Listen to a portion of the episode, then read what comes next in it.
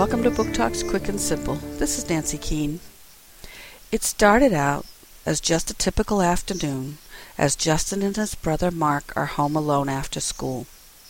Their mom has locked down the television set in the living room so they can't spend their time just watching television. She wants them to do their homework. But Mark has an idea. He breaks into his parents' room, and the two boys turn on the TV and settle in. As the two wrestle for control of the remote, things get a bit out of hand. Mark accidentally shoots himself with the gun he finds in the nightstand. Now, a year later, Justin is trying to cope with the loss of his brother and the loss of everything that used to define his life. His parents are distant. The kids at school don't know how to act around him, and his girlfriend has dropped him. But this day will be different. Justin will relive this day over and over. Just what's going on here?